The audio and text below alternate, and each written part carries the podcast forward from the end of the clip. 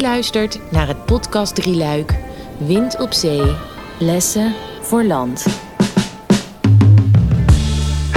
Dit is deel 1. Wind op zee.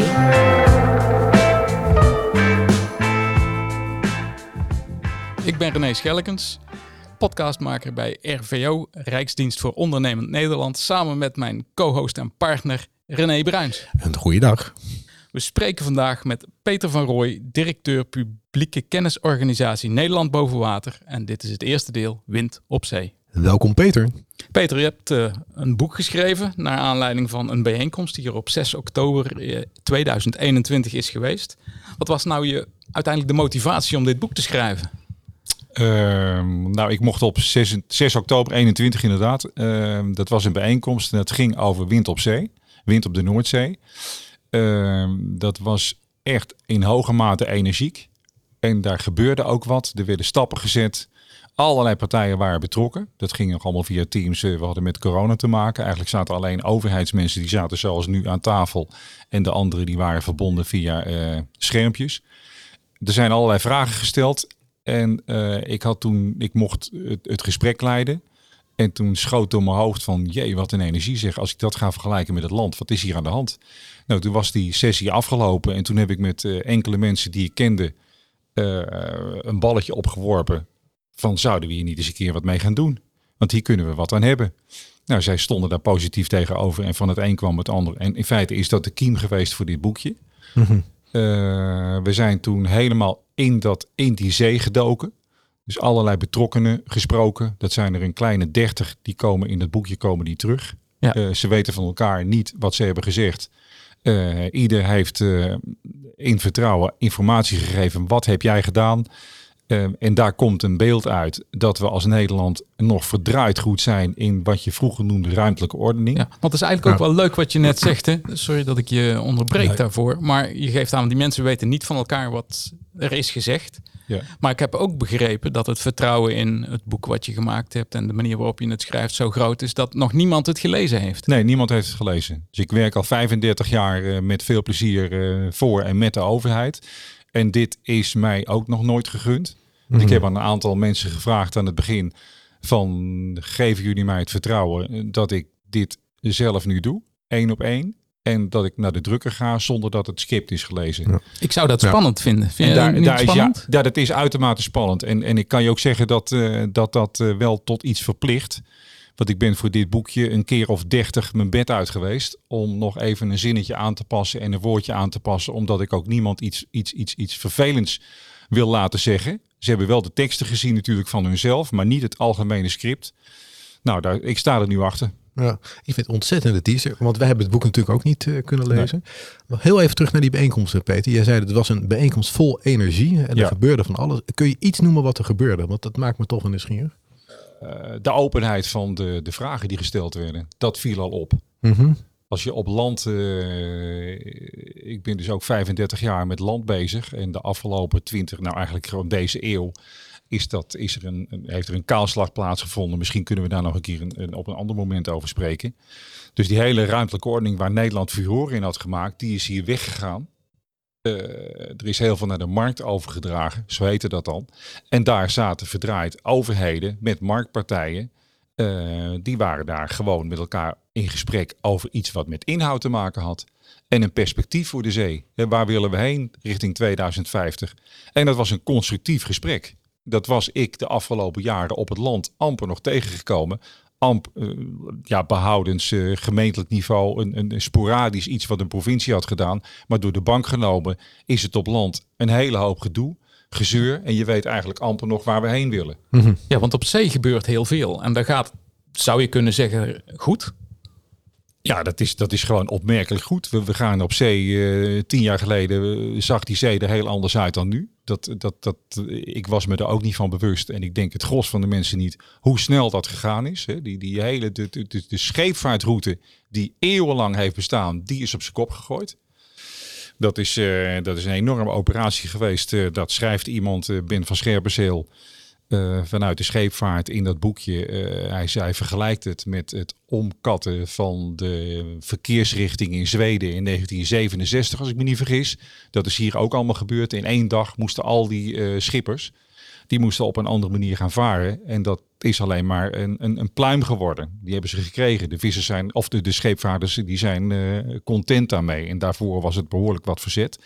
Nou, dat is er ook uit voortgekomen. Dus die, die ruimte van de zee is veel beter benut. We hebben de windenergieparken, die hebben we kunnen positioneren. Uh, natuur is nog een punt van aandacht. En dat krijgt ook duidelijk aandacht.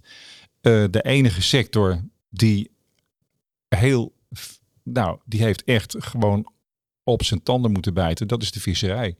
Dat was natuurlijk, uh, we, zijn die zee, wij zijn een, een, land aan zee. Dus we hebben onze economische groei ook vooral aan die zee te danken, ligging aan de zee. We hadden bootjes en we gingen vissen. Dat is in het verleden gebeurd. Ja, ja ik, ik, ik, ik vis zelf van, gewoon van de kant. Hè, en dan denk ik van, dit is mijn plekje. Hier uh, hang ik mijn dobbertje erin. Dat gevoel zullen die vissers ook gehad hebben, denk ik. Ja, dat gevoel van dat de zee eigenlijk van de, vis, van de visserij is. En uh, wat, moet, wat moet dat gedoe allemaal met die windturbines? En dan mogen we daar niet meer inkomen. Dus een stukje grond werd iedere keer grond, dus aanhalingstekens water, werd afgenomen. Nog een stukje water. En als je nu ziet dat er afgesproken is door uh, in Denemarken dat wij naar 21 gigawatt gaan. Dat is uh, goed voor een, ongeveer 21.000, 21 miljoen huishoudens. Dus dan kun je, kun je ongeveer... Ontzettend veel. Ontzettend veel. Zoveel, ongekend. Zoveel wonen er niet eens in Nederland, Denemarken. Nee, je hebt ook bedrijven natuurlijk. Hè. Dus ja. het wordt ook uh, de Tweede Maasvlakte en uh, Hoogovens. Ja, maar hoe, ja. hoe komt dat dat het zo goed gegaan is op zee? Wat, wat is daar anders? Je hebt uh, wat heel goed is gegaan. Uh, je hebt een stip op de horizon. Je hebt dus een perspectief neergezet van we gaan daarheen naar 2050. Wil Nederland energie-neutraal zijn? En dat heet dan eigenlijk dat je alleen nog maar duurzame, niet-fossiele energie gebruikt. Die elektriciteit die haal je van de zee. Het waait er heel veel. Dus ideaal gesproken zet je daar windturbines neer. Dat is gebeurd. Dus je had die stip op de horizon. En er is niet gesproken over een iets, iets als uh, stikstof op het land, uh, bijvoorbeeld alleen maar over CO2 of het aantal vissen of het aantal bootjes, want dan haal je er een dingetje uit. Maar de stip op de horizon is, Nederland wil in 2050 onafhankelijk zijn. Nou, de oorlog in de Oekraïne die heeft alleen maar gezorgd dat daar meer draagvlak voor gaat ontstaan.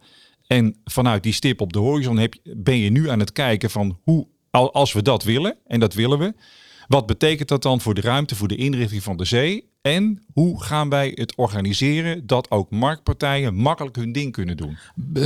Kun je dan zeggen um, dat het vooral werkt omdat het een integraal verhaal is? Er is interde interdepartementaal gewerkt en dat is niet uh, van vandaag op morgen gegaan. Dat ging echt wel van ouw.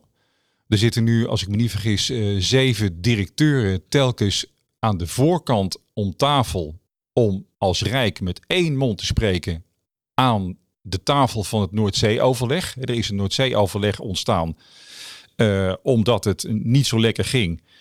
Uh, Jacques Wallage is uh, gevraagd om al die partijen te horen. Dus dat ging over de visserij, over de scheepvaart, et cetera, tot en met recreatie. Daar is een Noordzee-akkoord uit voortgekomen. En dat akkoord, in dat akkoord staat van er komt een overleg aan. Dat vindt nu plaats onder leiding van Sibylla Dekker, minister van Staat. Daar zitten alle partijen zijn daar vertegenwoordigd. En het Rijk zit daar met één mond aan tafel. Nou, dat is echt heel bijzonder als je het dan hebt over regie. Uh, we hebben daar te maken met één Rijk.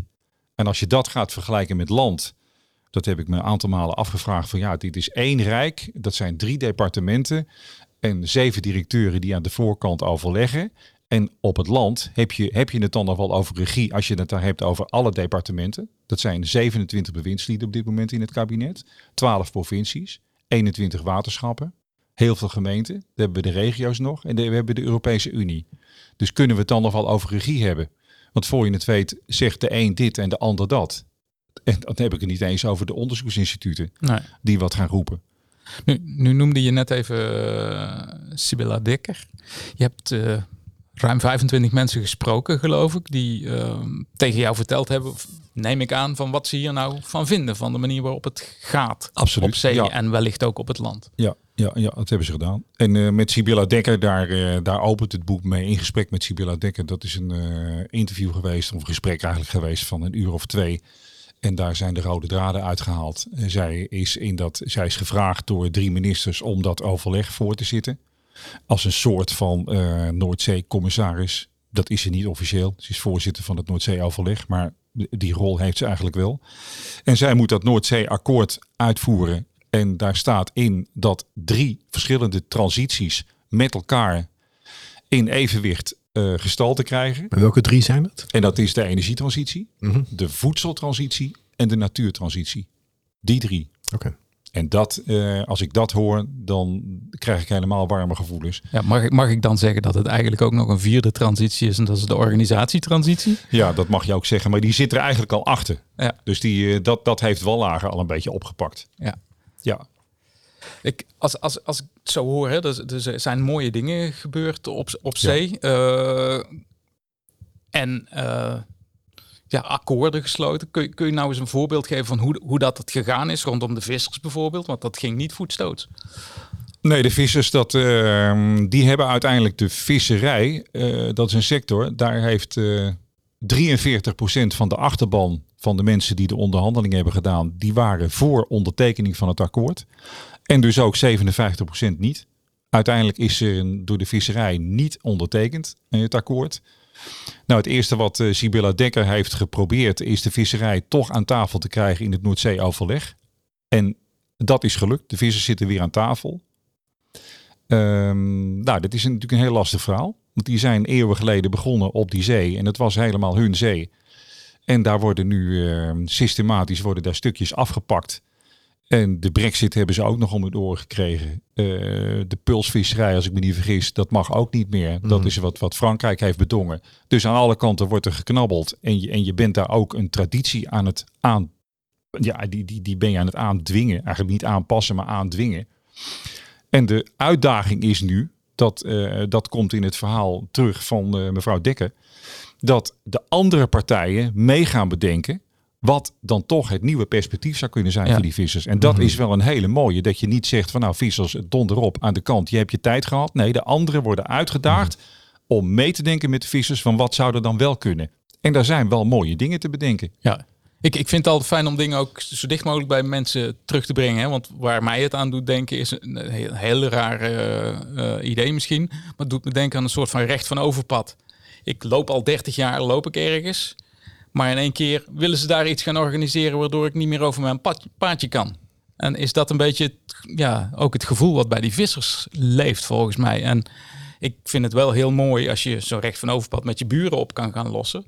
En ja, is dat zo'nzelfde soort dynamiek, maar dan op een veel grotere schaal? Ja, dat, dat, zeg je eigenlijk wel mooi. Ja. Er wordt iets afgepakt. Hè? En eigenlijk een soort van mentaal recht wordt afgepakt. Je, die, die, die, gewoon generaties lang hebben geleefd van die vissers binnen een paar keer in Urk geweest. Nou, dat, uh, dat, dat is gewoon de cultuur van die mensen. Dus als je en kijk, en als je het dan hebt over een voedseltransitie, dan zijn, er, dan, dan zijn er een aantal vissers met een aantal andere partijen. Dat vind ik het mooie. Die zijn nu bezig om te kijken wat je anders zou kunnen doen. En misschien kun je wel vis vangen. Uh, tussen die turbines in. Dat zou best kunnen op een andere manier. Je kunt denken aan oesterteelt, ik noem maar wat. Wat daarvoor niet eens mogelijk was. Je kunt uh, wieren gaan kweken, uh, wellicht hè, allemaal. Dat wordt onderzocht tussen de turbines, misschien wel in die windparken zelf. Nou, de, die wieren, dat is een bron van eiwit. En dat is een vorm van uh, marketing om dat op ons bord te krijgen. Dan heb je het echt over een voedseltransitie. Ja, en dan kun je de vissen, ja, de vissen die je dan niet meer mag vissen, die worden vervangen door andere zaken. En dan, dan zorg je wel dat, we, dat zij handig omgaan met het water, zodanig dat je ook wat te eten hebt. Ja, ik, hoor, ik hoor je eigenlijk een, eh, een parallel met de, de boer op het land. Eh. Maar goed, we kunnen het later nog over hebben. Ja. ik denk dat, dat, dat dit, wat, wat hier is gebeurd, dat had ik me toen op 6 oktober niet gerealiseerd. Ze lopen gewoon drie, vier jaar vooruit om de discussie die nu op land speelt. Nog even over die mooie bijeenkomsten die daar plaatsvinden op zee, tenminste over zee. jij zei, die, die vissen deden eerst niet mee. Uiteindelijk zijn ze weer mee gaan doen. Hoe is dat gebeurd? Behalve die mooie ideeën die erna kwamen. Maar hoe zijn ze op een gegeven moment weer mee, zijn ze weer meegekomen? Vooral de benad het, het, het benadrukken van dat perspectief. En dat anderen worden uitgenodigd en uitgedaagd ook om mee te denken met de vissers over dat perspectief. Dat is iets waar ook, wat, wat ik ook begrijp, waar de boeren naar hunkeren. Denk, denk eens met ons mee. In plaats van dat je ons gaat afserveren. En dat was toen ook de boodschap van de vissers. En, in geheid is niet iedere visser hier enthousiast over. Maar er wordt wel aan tafel gewoon uh, gedacht over die voedseltransitie. Kijk, en, en, en de vissers zijn ook wel zo handig dat als je niet aan tafel zit van het Noordzee-overleg, dat dan de voedseltransitie het gewoon af gaat leggen tegen de energietransitie en de natuurtransitie. Dus je hebt nu ook wat te halen. En als je dan, als je, dan, als je je nu terugtrekt, dat is mijn interpretatie daarvan, dan, uh, dan geef je het ook volledig over. Nou, dat gaan ze niet doen. Ja. En dat zie ik de boeren ook niet doen. Ja, want eigenlijk uh, wat ik in alles wat je zegt uh, beluister is, je bent eigenlijk heel enthousiast over de manier waarop het op zee is gegaan en hoe de regie in handen van de overheid is, uh, ja, nou, dat ze de regie hebben gepakt, laat ik het zo zeggen. Ja, ja, absoluut. Kijk, de afgelopen Nederland stond bekend. Dat is iets wat Herman Tjenk Willing, die ook een prachtige bijdrage heeft geleverd. Die, uh, die zegt op, een bepaald moment van als Nederland nou ergens goed in is, goed in was, dan was het wel de ruimtelijke inrichting van ons land aan zee. En die hebben we op, op land, eh, hebben we daar afscheid van genomen. Nou, wat ik een mooie gedachte is wel dat het in onze genen zit om met land om te gaan, met ruimte om te gaan, te verdelen en, en misschien wel met elkaar te dealen. En op zee heeft het de kans gehad om die genen weer te manifesteren. En daar hebben we het dus fantastisch gedaan. Andere landen kijken nu naar Nederland, hoe wij dat op zee hebben gedaan. Nou, ik kan jullie wel verzekeren dat we de, afgelopen twintig jaar op land weinig wapenfeiten hebben waar andere landen nu jaloers op zijn. Ja, nou heb, heb jij, uh, om tot een afronding van dit eerste deel te komen, heb je heel veel mensen gesproken. Heb je daar een, rode draad in gevonden? Uh, ja, zeker, zeker. Het, het, een rode draad is dat er wordt bepleit dat het weer om inhoud moet gaan. We hebben heel veel uh, juridische zaken de afgelopen jaren aangetipt. Uh, procedures, uh, processen zonder de inhoud. Nou, inhoud met hoofdletters. Maar er zijn ook vier woorden die zijn telkens teruggekomen. Want ik heb iedereen gevraagd van zou je één of enkele woorden aan kunnen geven die volgens jou het verschil hebben gemaakt. Nou, dat is in de volgorde. Lef. Je moet lef hebben als overheid. Leiderschap. Dat is echt getoond hier. luisteren. Vooral ook luisteren. Er zijn zelfs voorbeelden dat uh, in, het, in de ministerraad uh, een, een, een voorgenomen besluit om weer een stukje aan te wijzen voor windenergie. Dat dat op bezwaren stuiten van onder andere de visserij. Dat stukje is teruggegeven en dat is ingewisseld voor een ander stukje. En het laatste is dat je ook gaat leren. Dus lef, leiderschap, luisteren en leren. En die combinatie, die is uitermate krachtig. En daar is werk van gemaakt. Dus ook daar zouden we wellicht wat lering uit kunnen trekken. Nou, een mooie afsluiting van, deze, van dit eerste deel. En het tweede deel gaan we het met name hebben over lessen op het land. Wat binnenkort ook te beluisteren is.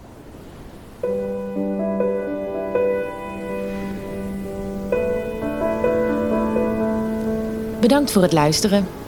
Het boek Wind op Zee, Lessen voor Land van Peter van Rooij bestelt u nu via Nederland Boven Water.